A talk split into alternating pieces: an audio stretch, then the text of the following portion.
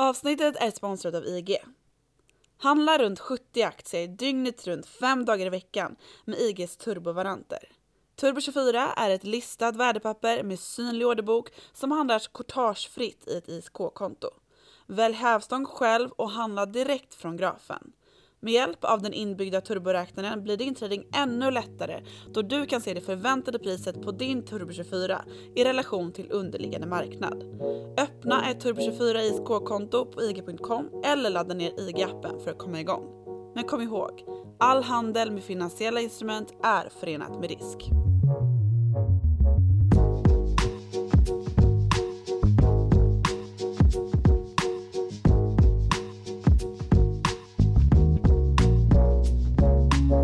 På andra sidan Östersjön blåste det upp till storm på flera fronter under hösten 2021.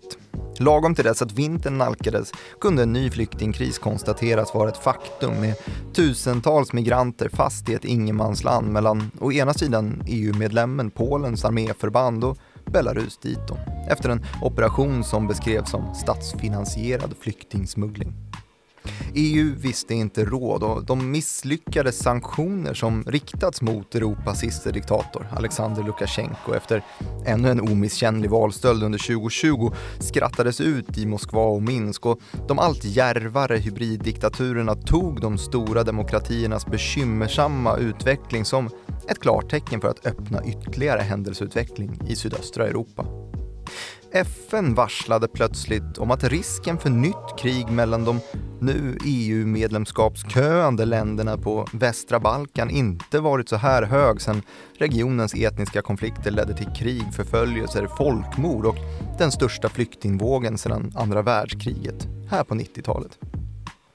Har EUs expansion gått för långt, eller för långsamt, i den fundamentala strävan att hålla fred och friheten i skick på kontinenten där nu ryskt och kinesiskt inflytande blir allt tydligare och kampen om östra Europas geopolitiska ingenmansland ska avgöras? Det här är Follow the Money, en podcast om makt, storfinans och börsen av och med mig, programledare Martin Nilsson och utrikesredaktör Joakim Rönning. Du, vad, vad deppig jag blev att läsa det här introt, Joakim, och allt är väl som vanligt ditt fel? Ja, eh, mitt och eh, Alexander Lukasjenkos fel. Ja, är det, ju, det är ofta er man kan skylla på. Ja, fast eh, det här är ju, du sa flyktingsmuggling, man kan väl också kalla det flyktingutpressning, för den här situationen har ju pågått ett tag nu och det är ju ingenting som är i sig nytt egentligen. Mm -hmm. Det är ju nästan som att man använder mänskliga sköldar fast på ett omvänt vis, att man attackerar länder som man inte riktigt drar jämnt med genom att skicka flyktingar dit då. Så det Belarus eh, anklagas för att ha gjort nu då är att man lite likt hur Turkiets president eh, Erdogan agerade under 2015-2016 minns vi ju hur det pågick då en flyktingkris från Syrien framförallt. Och hur agerade Turkiet då? Då, då hamnade ju väldigt många syriska flyktingar i flyktingläger i Turkiet hundratusentals flyktingar. Och då satte Erdogan helt enkelt press då på EU-länder. Bland annat eh, har ju Grekland, grannland till Turkiet, ett EU-land. Och dessutom så utgör ju hela den här, så alltså kallade Balkanrutten, en flyktingväg upp i mer välbeställda nationer i Europa ju. Tyskland är framförallt det land man ska prata om i det här sammanhanget. Och det här slutade då med att Erdogans krav till slut fick tillmötesgås av eh, Angela Merkel, förbundskansler i Tyskland, som då helt enkelt eh, blev tvungen att hörsamma och började i princip i alla fall började betala för att Erdogan skulle hålla gränsen stängd så att det här flyktingflödet skulle pausas lite grann. Och det såg vi ju effekter av även i Sverige ju på den inhemska politik vi har här där parti efter parti vände kappan efter vinden och till slut så hade vi ju lagt band på flyktingströmmen ganska så rejält jämfört med hur det såg ut då. Mm. De värsta, eller värsta, jag vet inte hur man ska formulera sig, men um, när flyktingströmmen var som hårdast in hit så, så var det ju en tillströmning som vi inte sett sedan Balkankrisen eller förmodligen inte ens då utan sedan andra världskriget genom Europa. Så, så den här liknelsen då mellan att eh Erdogan använder flyktingströmmarna som hävstång för mm. att kunna förhandla mot EU. Eh, på vilket sätt kan man göra liknelsen till Belarus? Ja, liknelsen är ju här då att, eh, att Belarus också agerar mot EU genom att skicka flyktingar. Och här gör man ju faktiskt slag i saken. Det här är ju till och med så att, att Belarus anklagas för att ha åkt ner till Mellanöstern där det finns mycket flyktingar, eller en stor önskan hos många att komma till ett annat land för att få en bättre framtid. Och sätter man dem på flygplan, flyger dem till Belarus, ger dem visum och sen så skickar man ut dem i skogen mot gränserna, framförallt Polen då, för det är den längsta gränsen, men även då till andra EU-medlemsländer som är grannar till Belarus och det är ju då Litauen och Lettland i Baltikum. Mm. Så det här är ju väldigt nära in på de svenska gränserna kan man ju konstatera då. Och det här har ju blivit stort eh, uppmärksammat i Polen naturligtvis som har beslutat att skicka 12 000 soldater, arméförband för att skydda de eh, gränslinjer som finns då och där man noterat den största trafiken av flyktingar då från Belarus.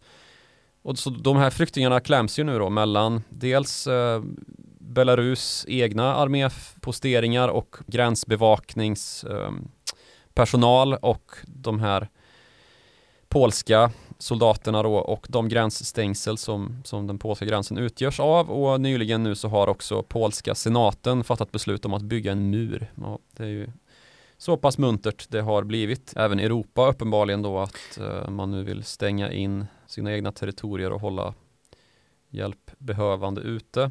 Mm. Vad, vad, kan vi eh, säga om den här teorin att man har flugit dit flyktingar? Vad finns det för stöd för den?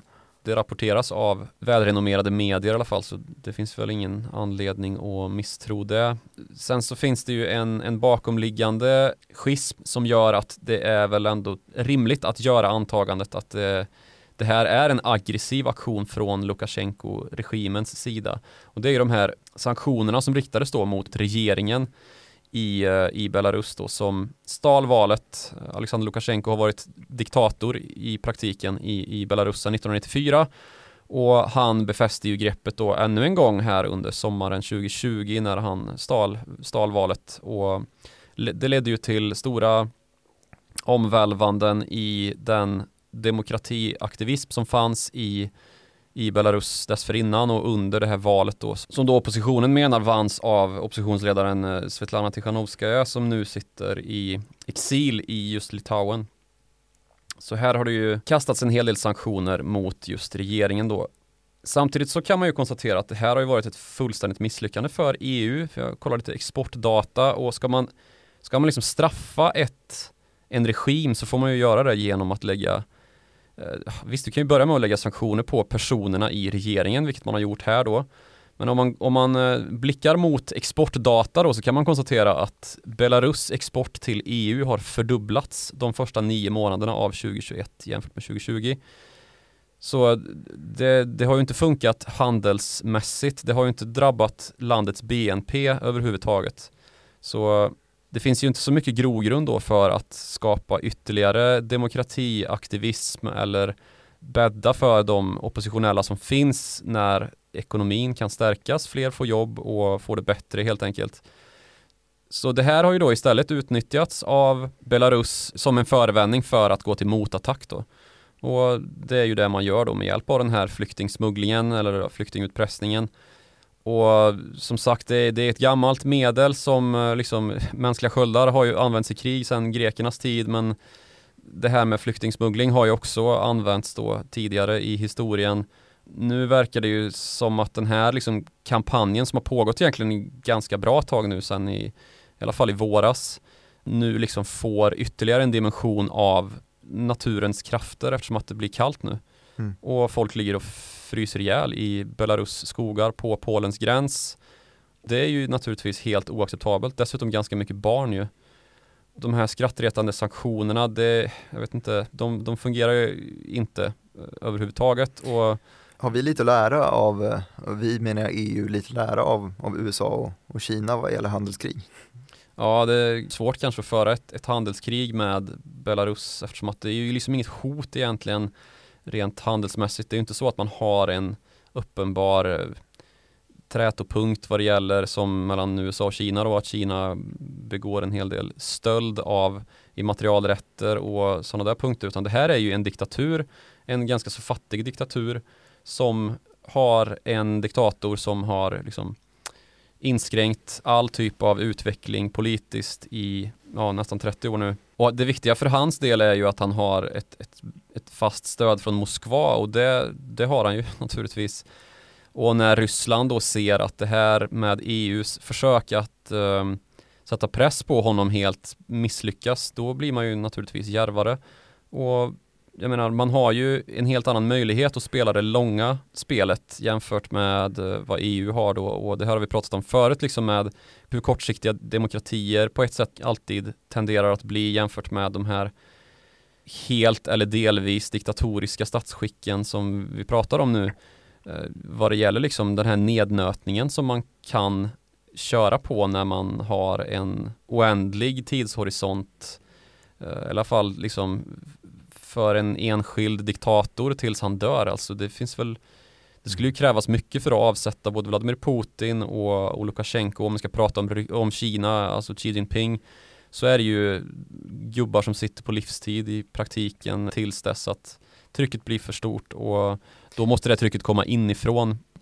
Så du menar att det blir lite andra spelregler om man sitter på vald på fyra år i mandatperioden om man är eh, livstidssatt diktator. Ja absolut och sen så finns det väl många som har vittnat om eller forskat i att det händer någonting med ens moraliska kompass när man sitter i maktfullkomlig regimställning i, ja men som i, i Putins och Lukasjenkos fall då över 20 år och blir paranoid, rädd för allt runt omkring sig eftersom att det enda som kan hota är liksom en inrikes uppresning som leder till att man blir vält från makten och ja, men det första offret i en revolt liksom. Mm. För det är ju ofta så revolter slutar ju att, att diktatorn är de första som ryker.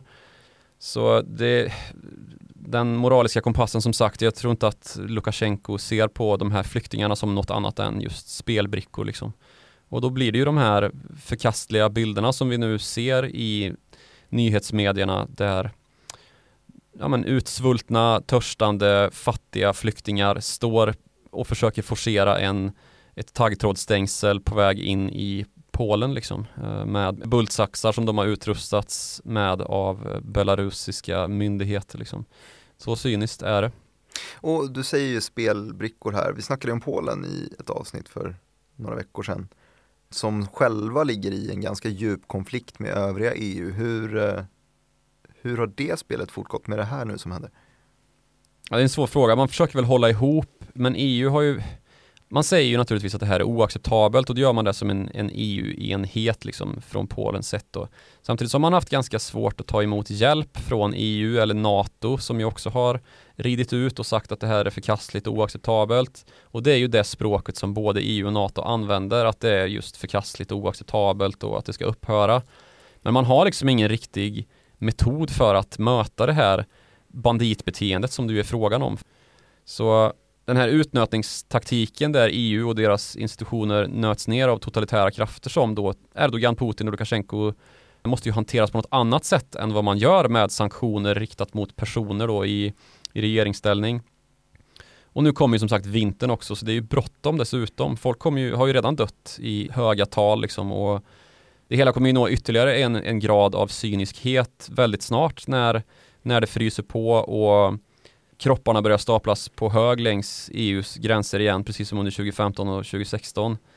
Så EU sitter ju i en rävsax här och när man försöker rädda ansiktet i, i ett chicken race med de här diktatorerna så är det dessutom Polen som ska vara liksom ansiktet utåt som ska räddas för EUs räkning.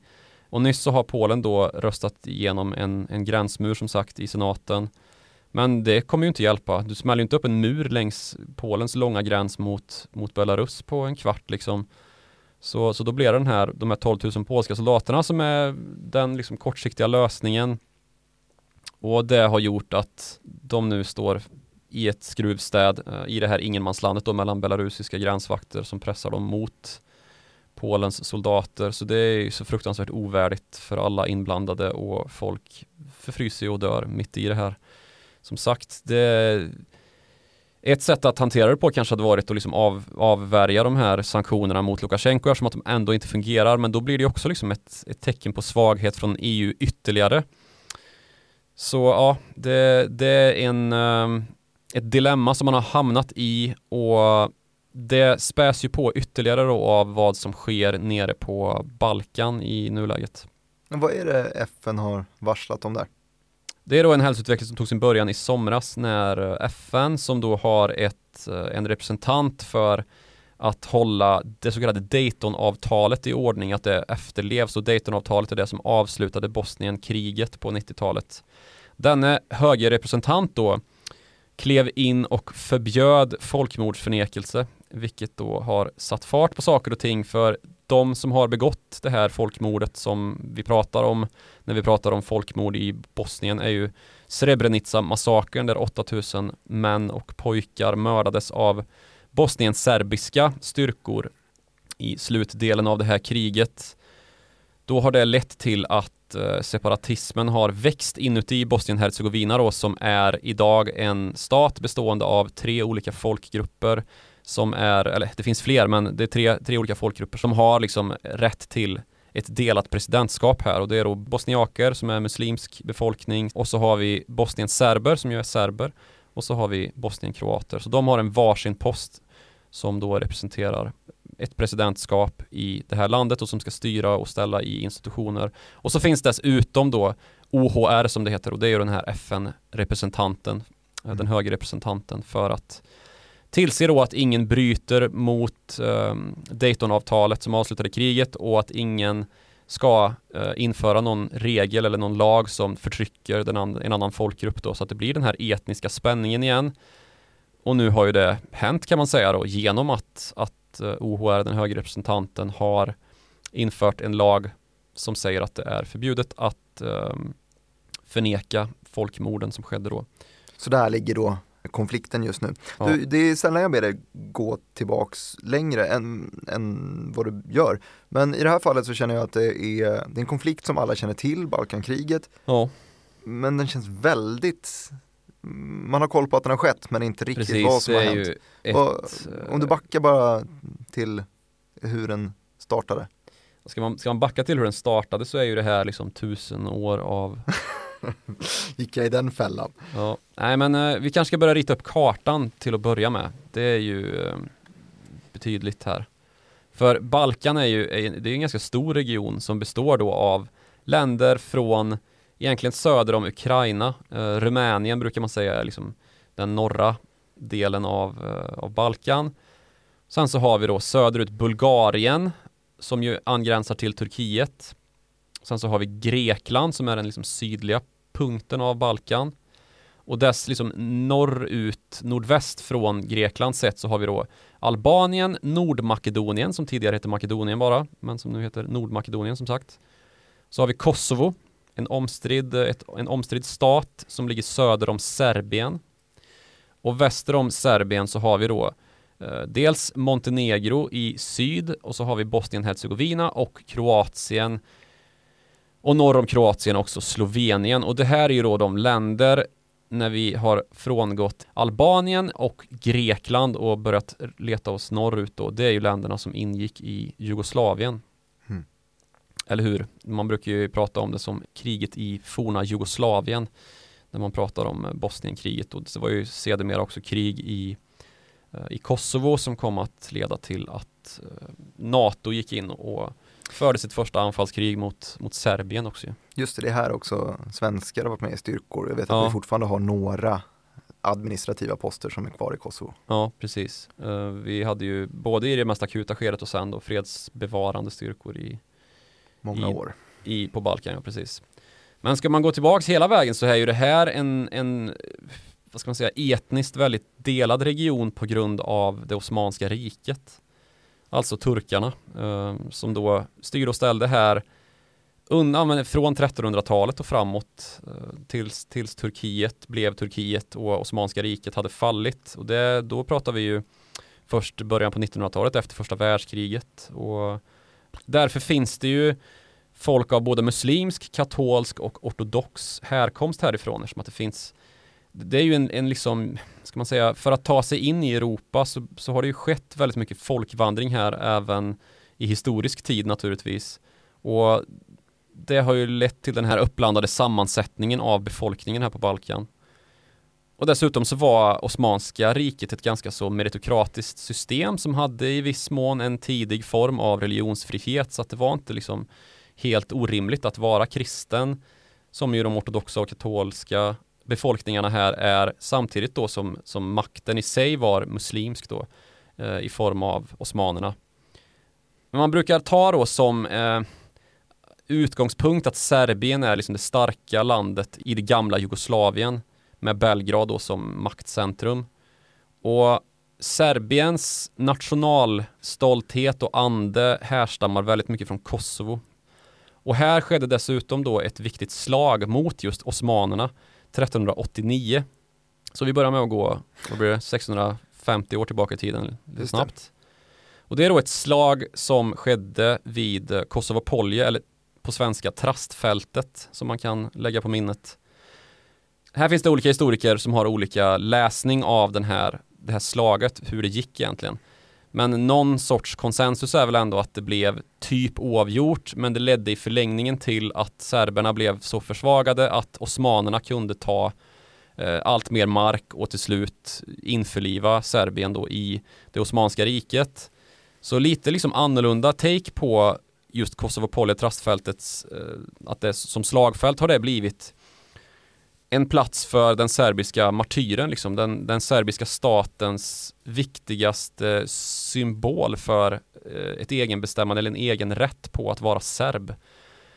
Så det är lite, lite liksom om man jämför med många andra länder som kanske firar sina segrar snarare så har det blivit att eh, ja, men den serbiska stoltheten startar i mångt och mycket med ett förlorat slag eller i alla fall ett oavgjort slag som, som sedermera leder till att, att landet blev förtryckt under osmanerna då som nationalistiska serber hävdar. Men sen när det kommer till Bosnien och Hercegovina då som ju är ett land som idag är helt uppdelat men där då man ska komma ihåg att bosniaker är de som är muslimer i landet. Men sen så bor det också här då kroater, det bor serber som har då sina anspråk och som har haft drömmar om att få ha en egen nation Eh, på sitt eget land då, men där det är väldigt uppdelat och väldigt svårt att dra gränser. Men det har man i alla fall gjort under historien och vi har pratat om Berlinkongressen tidigare i det här programmet. Eh, och det var ju också någonting som då berörde Bosnien-Hercegovina för efter det rysk-turkiska kriget mellan 1877 och 78 så överlämnades då Bosnien-Hercegovina av Berlinkongressen till Österrike-Ungern som ju var stormakten här som tog över efter osmanerna kan man säga. Mm. Och då var Österrike-Ungern, de fick då, i, de fick då rätten att liksom besätta och förvalta den här provinsen. Och sen så annekterades Bosnien-Hercegovina formellt av Österrike-Ungern 1908. Och då kan man ju också liksom lägga märke till att här skedde det ju någonting väldigt, väldigt betydelsefullt för den framtida historien några år efter det här. Det här kan jag faktiskt väga in, för visst är det skotten i Sarajevo, ja, Gavrilo-princip som skjuter Frans Ferdinand och startar det första världskriget? Du har helt rätt. För Bosnien då som ett land under Österrike-Ungern är ju ett land där det också bor serber.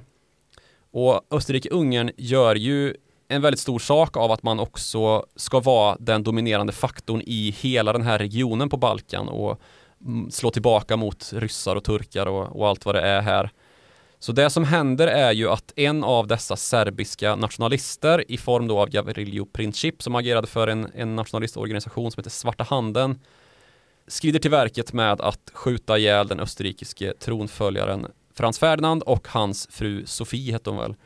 Vilket då utlöser det första världskriget när länder ställs på olika sidor av den här konflikten och vi får ett helt nytt läge i Europa och sen så har vi ju det här liksom etniska och politiska limbot som, som Balkan alltid har varit i. Som sagt, osmanerna trycks tillbaka och Turkiet blir vad det är idag.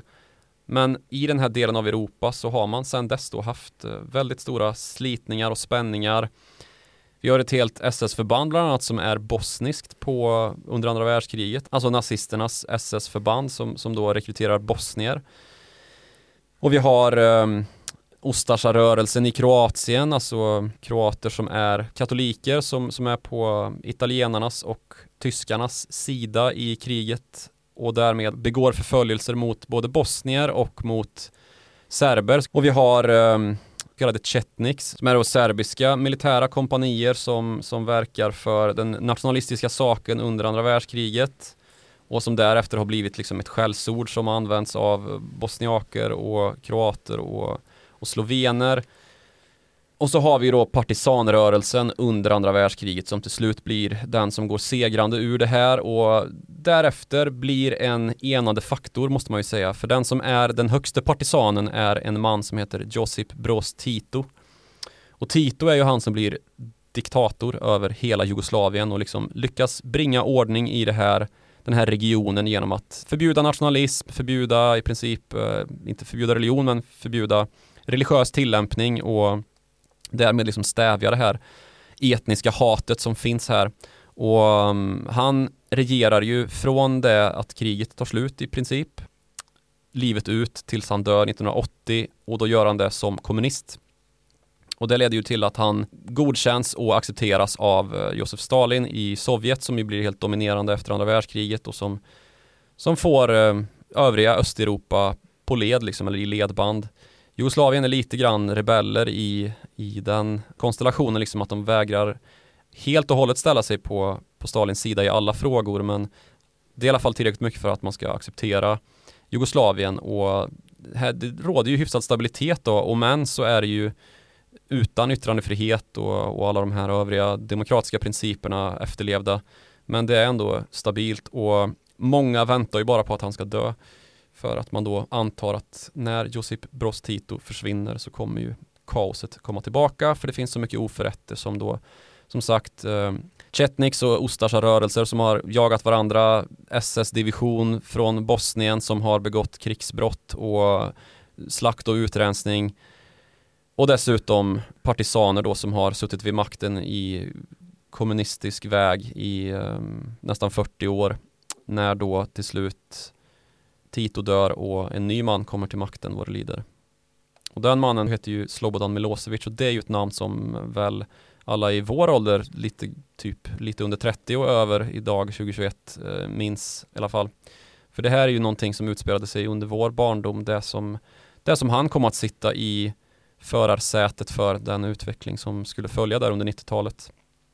Ja, det är någonting man minns såklart och man minns väl framförallt att det är en stor invandringsvåg som kommer här i närtiden också. Mm, verkligen. Det finns ju en jättestor diaspora av svenskar som kommer från Balkan ju. Det har väl alla någon kollega eller någon gammal klasskompis eh, som, som kommer därifrån, om man inte är det själv till och med. Mm. Och Eh, det är alltså det här som leder fram till att FN blandar sig i och ett Daytonavtal faller på plats som du nämnde här i inledningen. Ja precis, för det är ju så mycket förföljelser och människorättsbrott här att till slut så tröttnar ju USA och övriga västsamfundet. Men framförallt USA får man väl ändå säga. Och sen så utbryter ju efter Bosnienkriget när det är liksom löst är det ju inte uppenbarligen. Men när, när kanonerna har tystnat där så, så går ju krisen vidare då till Kosovo. Om vi ska koppla ihop det här så, som sagt Kosovo är ju där den serbiska nationen anser sig ha sin födelse och dessutom där som Slobodan Milosevic, alltså den president som blev den utlösande faktorn måste man väl ändå säga för jugoslaviska krigen på 90-talet. När han då börjar prata om att serber i Kosovo då likt i många andra regioner där det finns en uppblandad befolkning som sagt eh, och det börjar utropas självständiga nationer då av de här folken som plötsligt vill vara självständiga och anser sig ha majoritet nog att faktiskt säga ja men det här är vårt Bosnien, det här är vårt Kosovo. Och då finns det ju å andra sidan en annan nationaliströrelse som hävdar nej det här är serbiskt. Så det är väldigt hög tonvikt på just att, att det är verkligen alla mot alla men Serbien har ju blivit de som har fått bära skammen. Det är de som har flest dömda i den internationella domstolen i Haag för Jugoslavien, alltså från Jugoslavienkrigen. Och sen så har det begåtts krigsbrott på, på alla sidor men det är absolut så att Serbien är de största förbrytarna här och det hela började och slutade kan man ju säga i Kosovo då först då när Kosovo bröt sig ut och hävdar att vi är en, en egen stat nu och det vägrade då Serbien gå med på.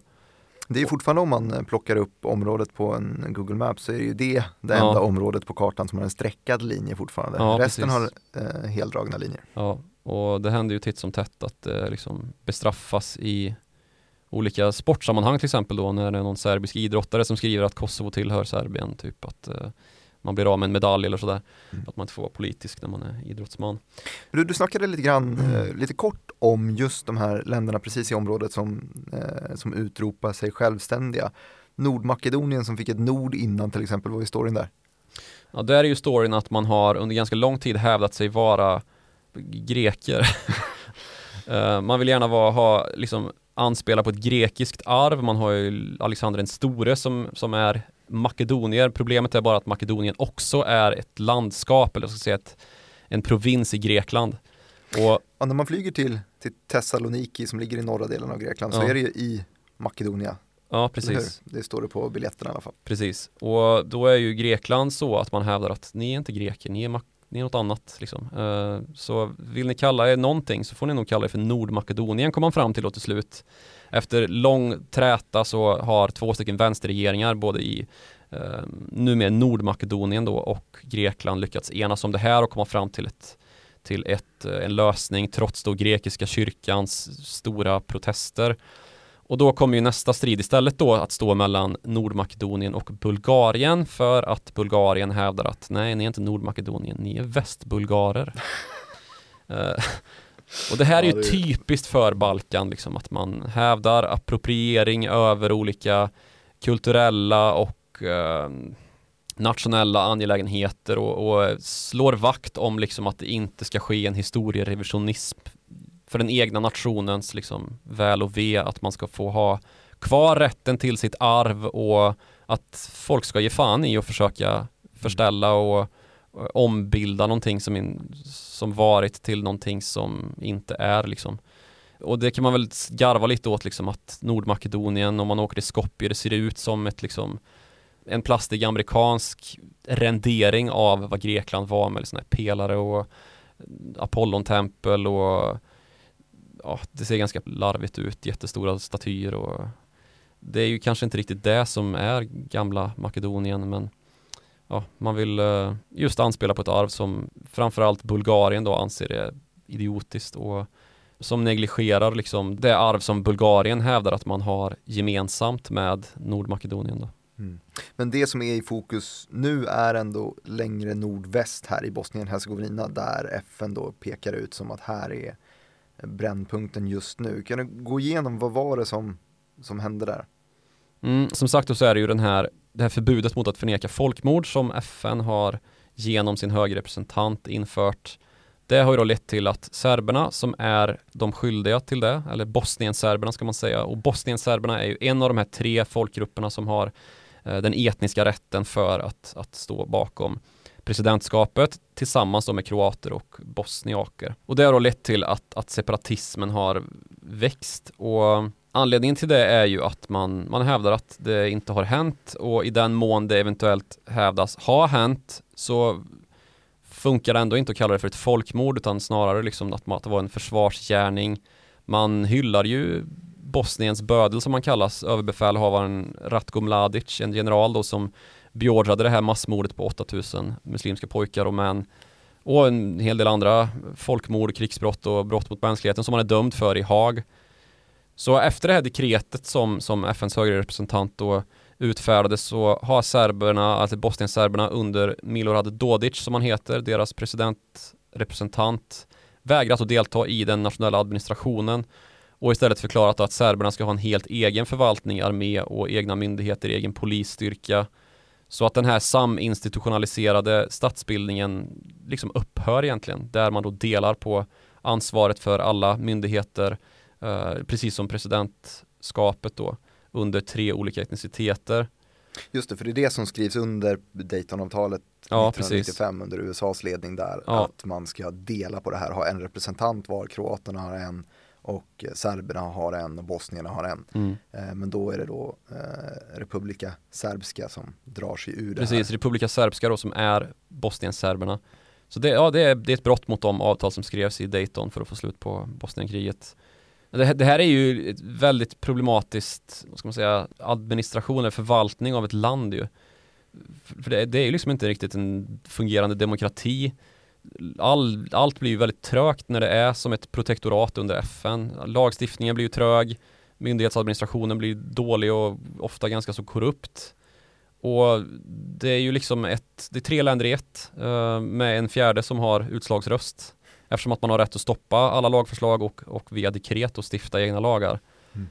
Så den, den här militära upptrappningen har ju redan skett nu där serbisk polis då genomför symboliska övningar som upplevts som väldigt provokativa av bosniakerna då som är de som är, räds serberna allra mest.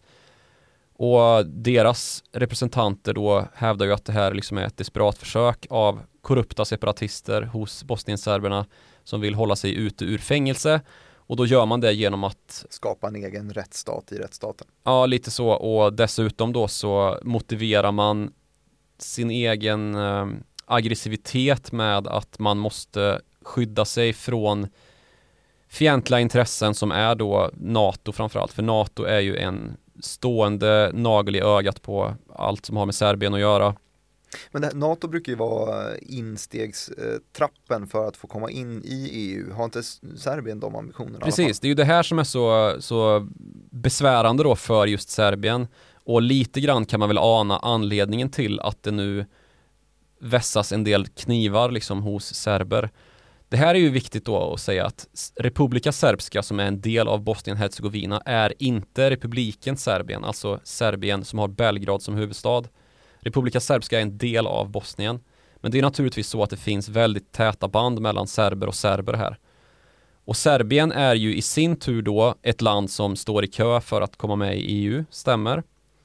Och då har man kanske insett då, eh, för det är, ju- det är en process som pågår väldigt länge, pratade vi om i Polen-avsnittet ganska nyligen, Mm. att de här Köpenhamnskriterierna ska uppfyllas innan man kan Alltså man måste skriva under på dem och sen så måste man linjera själva statsapparaten med alla krav som finns där i om demokrati och rättsstatens principer och sådär innan man kan bli en medlem i EU. Som Polen det också hade arbetet- lite problem att uppfylla. Ja, nu i efterhand framförallt. Men Serbien är ju ett land som har skrivit under på att vi vill bli ett EU-land och vi ska linjera staten, så det arbetet är ju igång. Men nu är det så att de senaste medlemsstaterna som har, som har gjort inträde har först blivit medlemmar i NATO och det är ju någonting som är väldigt, väldigt svårt att se Serbien bli på grund av då att NATO bombade Belgrad. Uh, alltså förde anfallskrig mot Serbien för att stoppa de uh, krigsgärningar som begicks i Kosovo från serbiskt håll då. Men det är inget krav att man ska vara medlem i NATO egentligen officiellt. Inte formellt är det inte det, men om man tittar på vilka länder som har blivit medlemmar så har det alltid varit så, all, de senaste vändorna, att först blir du medlem i NATO och sen kommer du med i EU. Det gäller för liksom Bulgarien och för, ja som sagt Polen, Ungern, Kroatien, Tjeckien, alla de här länderna. Just och det är något form av lojalitetsbevis Ja, så att man precis. inte ska alliera sig med eh, Ja, men ryssarna just som för att, ja, precis för att man inte ska orsaka den här splittringen då först via militära maktanspråk på olika saker och sen eh, en, en upprustning och att man ska liksom kunna orsaka en intern splittring inuti EU där två EU-länder går i krig med varandra. Det är ju helt otänkbart ju. Mm. Det är ju därför vi har EU just för att det inte ska ske. Och därför kan man väl argumentera lite grann då, men är det så att EU går för långt här? När man gör anspråk på att expandera till en region där det är så skört som det är på just Balkan.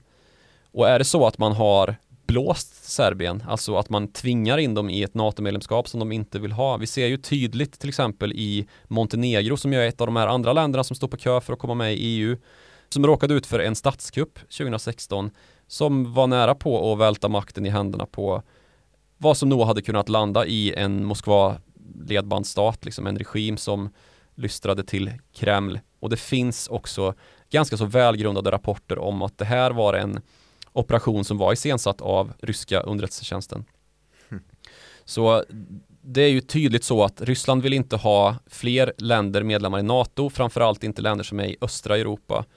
Och dessutom så är ju bland annat Serbien just eh, ortodoxa och det är slaviska folk här precis som i Ryssland och det finns liksom väletablerade kontakter.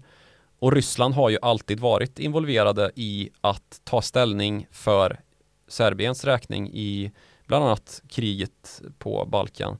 Och Vladimir Putin har ju till och med använt NATOs agerande i Jugoslavien som en förevändning för de gärningar som han har stått för, alltså geopolitiska maktanspråk i grannländer och sådär.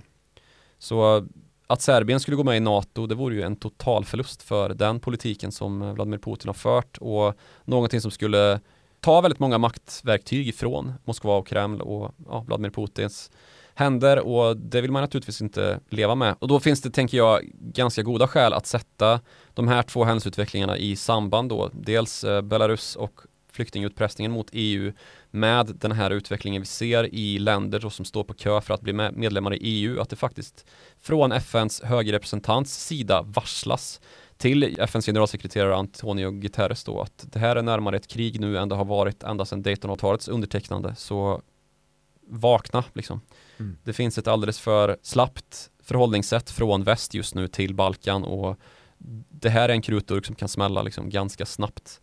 Men det sker ju ändå som du säger till exempel mellan Belarus och EU mycket handel och jag vet ju att hela Balkan har varit intressanta områden för till exempel gruvnäringen när EU har i, sina stadgar mål att kunna vara självförsörjande vad gäller eh, sällsynta jordartsmetaller och den typen av råvaror som, som krävs för att säkra den här gröna omställningen som vi ja, står energi, inför. Energiframtiden helt enkelt. Nu har vi, till exempel har vi Rio Tinto som väl är typ ett av de största eh, metallkonglomeraten eller gruvkonglomeraten i, i världen som har startat någon form av gruva i Serbien tror jag det är. Mm. Vi har på svensk nivå mycket mindre företag men Leading Edge Materials har en gruva i också Balkan, Rumänien där man försöker utvinna kobolt och nickel så det finns ju den typen av metaller i marken i alla fall. Så mm det gör ju i alla fall för att det här är en mer intressant region än, än någonsin när nu maktskifte håller på att luckra upp stämningen mellan parterna i länderna och även så finns det ganska stora anspråk att göra beslag på. Vi vet ju också att Kina har varit och nafsat i Balkanregionerna men det är väl kanske längre söderut i Grekland eller vad? Ja, man, man måste ju börja där liksom. Men, alltså om man tittar på den här regionen historiskt så är det ju de senaste hundra åren i alla fall lite av en finansiell Bermuda-triangel. Det är ju mycket medel som har gått in här och försvunnit bara. Det är lantbruksnäringen som, som livnär regionen fortfarande. Och det är ganska så mycket primitiva industrier, eh, som du sa, gruvnäring och det är eh, kolkraft och sånt här. Alltså Sarajevo, Bosniens huvudstad, är en av världens allra mest nedsmutsade städer med jättemycket smog. Och det beror på just kolkraft då, att man har så förorenade städer. Och när man tittar på det största då så ligger det i Tuzla, en, en bosnisk stad. Och det är finansierat av just Kina. Och Kina har också gått in med stora satsningar i den serbiska basindustrin som ju är också stål då. Ehm, att man försöker framställa stål av hög, hög kvalitet. Och de här satsningarna har nu liksom börjat ge ett visst politiskt efterspel eller vad ska man säga opinionsmässigt efterspel. För från då att EU var det enda man pratade om, alltså 2012 då när det bestämdes så ville 70% av serberna gå med i EU. Det var till och med så att man, att man övervägde då på hög politisk nivå att man skulle byta ut det slaviska språkets kyrilliska alfabet, vet vi att man har, som i Ryssland, mot då ett, en lati, latinifiering, att man eh, skulle göra sitt land mer västvänligt eller vad man ska säga, att folk som är, bor, bor i Västeuropa och, och pratar något av våra språk skulle ha möjlighet att läsa vad det står på skyltar och dylikt.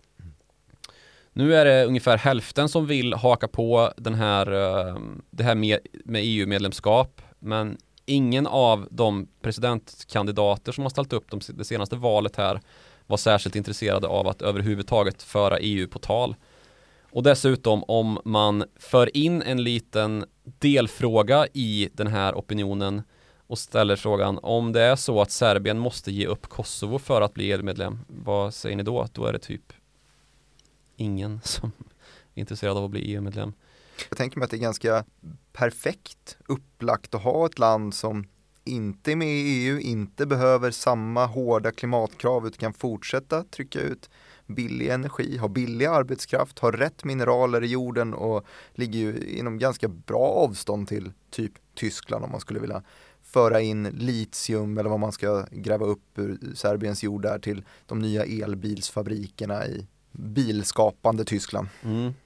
Det har väl blivit en intressant dynamik här då att Balkan betraktas av Kina idag som Kina betraktades i USA och eh, i EU för 30-35 år sedan. Att, att det finns en potential som sa, det är hög arbetslöshet, det är låg, eh, låga löner, betydligt lägre än i storstäder i Kina och sådana tillverkningsregioner i Sydostasien. Man har dessutom en ganska hög utbildningsnivå i framförallt Serbien. Och nu har man ju dessutom gjort en del investeringar då för ett tag sedan i bland annat en av Europas största hamnar i Pireus sydväst om Aten i Grekland. Och därifrån så upprustar man ju infrastruktur med tåg och kanaler hela vägen upp till bland annat ska det gå en tåglinje upp till Budapest i, i Ungern då. Vad är det man har gjort där rent, rent exakt här nu? Ja, det är ju upprätta fraktrutter då, infrastruktur till Så man har övriga köpt Europa. en hamn i, i Grekland. Ja, ett kinesiskt företag har köpt en hamn i Grekland, ja, precis. Just det, och det blir knytpunkten då för en del av Ja, det här har ju ansetts vara en del av Sidenvägen, såklart, som Mm. att vi alltid pratar om den i varje avsnitt. Att eh, då möjliggöra en inkörspunkt i Europa för den kinesiska exporten ju. Mm. Och då har ju det här lett till att, att EU har försvagats visavi Kina eftersom att Grekland då som är hungrigt på att få sin svältfödda ekonomi att fungera lite bättre med hjälp av kinesiskt kapital. Då har man ju också gått in och stoppat eftersom att det finns ett veto i EU som då nyttjas eh, av Grekland till exempel då när Nordmakedonien vill ehm, komma in i EU som Makedonien får de byta namn och då nyttjar istället Bulgarien sitt veto eftersom att de hävdar att det är Västbulgarien. På samma sätt så vägrar Grekland låta EU formulerar formulera kritiska uttalanden om hur Kina hanterar människors rättigheter och istället då kunna säkra nya miljarder så att det blir en kohandel där mellan, mellan Grekland och Kina och på samma sätt så fungerar det ju då i förlängningen om vi tänker oss att en massa kinesiska konglomerat går in och köper upp serbiska stålverk vilket redan har hänt. Uh, Hebei gick in och köpte ett, ett serbiskt stålverk här för några år sedan. Så det finns redan, redan exempel på sådana här bolagsuppköp. Så som du sa då så står det ju mellan antingen att eh, gå på det politiskt korrekta EUs linje där vi ska ha en taxonomi som lite grann begränsar den här regionens tillväxtmöjligheter där man är kanske beroende av väldigt billig energi i form av då Tuzlas kolkraftverk som smutsar ner och gör livet i största allmänhet ganska så eländigt att leva i Sarajevo, i alla fall om man vill andas frisk luft så, så blir det ju en, en tillväxthämmare då om EU ska komma in med sin gröna taxonomi och säga att det där får ni inte hålla på med. Nej, vad ska vi hålla på med då då? I någon mån så låter det ju nästan som att EUs utvidgning har varit för snabb samtidigt som lagstiftningen eller vad man ska säga stadgarna har rört sig alldeles för trögt om medlemsländer sitter på veton och man ja, det, det tar fem år att, att genomföra ett Brexit och samtidigt så händer resten av världen och Eh, andra maktaktörer är väldigt mycket mer snabbfotade. Ja, jo det finns ju, man kan väl argumentera för att det har gått för snabbt eller för långsamt. Att egentligen så borde alla de här länderna ha varit med ända sedan typ innan då det brakade loss. Men nu hade det väl det varit svårt eftersom att det var eh, en järnridå som begränsade möjligheterna att utvidga EU åt det hållet på den tiden. Men det här är ju länder som i alldeles för hög utsträckning har konflikter som, som gror liksom. Och då är ju ett sätt att råda bot på det som Frankrike, Tyskland, Luxemburg och Belgien och Italien gjorde där 1956 när man upprättade den här kol och stålunionen. Och det blev liksom startet på, e- starten på EG och eh, sedermera EU ju. Det är ju ett stort fredsprojekt och det kan, jag vet inte om det kanske inte går att man känner liksom inte en tillräcklig samhörighet med de här värdena som är då västeuropeiska och liberala demokratier för att det ska funka riktigt. Det har vi redan sett då i fallet Polen och Ungern och att man då lite grann slår knut på sig själv då för att få med och utvidga EU så mycket det bara går. Men det leder till att det blir en för stor förvaltning för trögrörliga beslut. Vi har dessutom väldigt liksom så här expanderande kulturella olikheter då när vi utvidgar EU på det här sättet.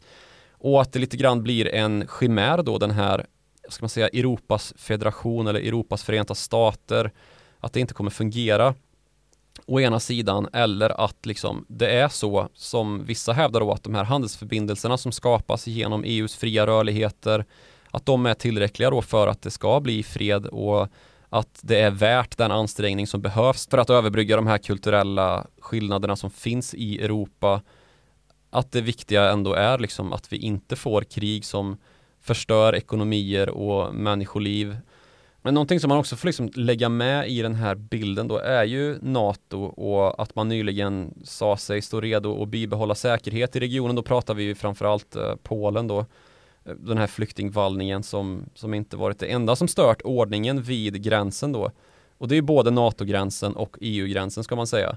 För här har det också skett då överträdelser från belarusiska soldater, lite grann som man såg i, eh, eller ser i östra Ukraina, där ryska förband då gör intrång. För nu har då belarusiska soldater med omärkta uniformer, eh, alltså inte så att man har belarusisk flagga på sig, varit inne och stört över gränsen i Polen och liksom testat var gränsen går för att eh, både fysiskt och rent eh, taktiskt när Polen kommer ingripa och då blir det ju också indirekt då att NATO angriper en östlig fiende som i förlängningen då ju är Ryssland så det är en oerhört farlig utveckling som sker just nu. Och Polen har i sin tur också varslat om att man har noterat en onormalt hög andel av just de här asylsökande som har kommit in i Polen då har en militär och eventuellt också en radikal bakgrund. Så det mesta tyder alltså på att det här inte bara är organiserat utan liksom en välorkestrerad kampanj för att försvaga och skapa en omöjlig situation då för EU på ett lite mer långsiktigt sätt än vad vi är redo att hantera. Mm. Och dessutom så är ju NATO väldigt svagt just nu med en mängd inre fraktioner, de har vi redan pratat om i tidigare avsnitt som, som hotar alliansen. Och i tillägg till det så har vi ju också liksom genomgått en global omstöpning som har skapats av pandemi och ett USA som haft så mycket problem med sin interna splittring att Kapitolium höll på att gå att, under. Ja, att man höll på att övermannas av sin egna extremhöger. Mm. Och i tillägg till det då fick fly Afghanistan på ett ytterst oorganiserat och skamligt sätt med svansen mellan benen det är ju inte så att det är någonting som går förbi obemärkt i Peking, Moskva eller Minsk för den delen. Eller Belgrad om man ska vara sån. Nej, stjärnorna står väl, står väl ganska rätt eller fel beroende på vilken sida man står på. Och det är dessutom så att vi också har en, en energikris som eh, där Ryssland har ett ganska stort trumfkort mot resten av Europa.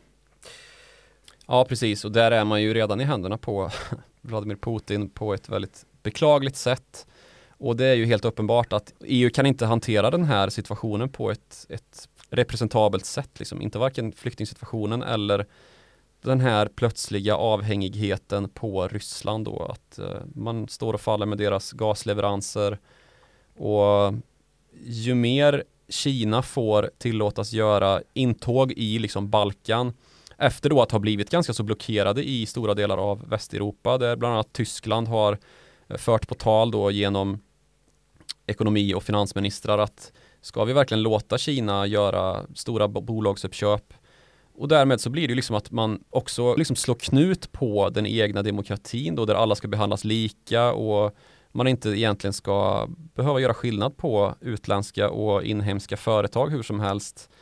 Och att den europeiska öppenheten plötsligt vänds till någonting helt annat och det blir en, en efterapning av det hanteringssätt som Kina alltid har stått för då att man har monopol på ägarskap över företag och inte släpper in omvärlden.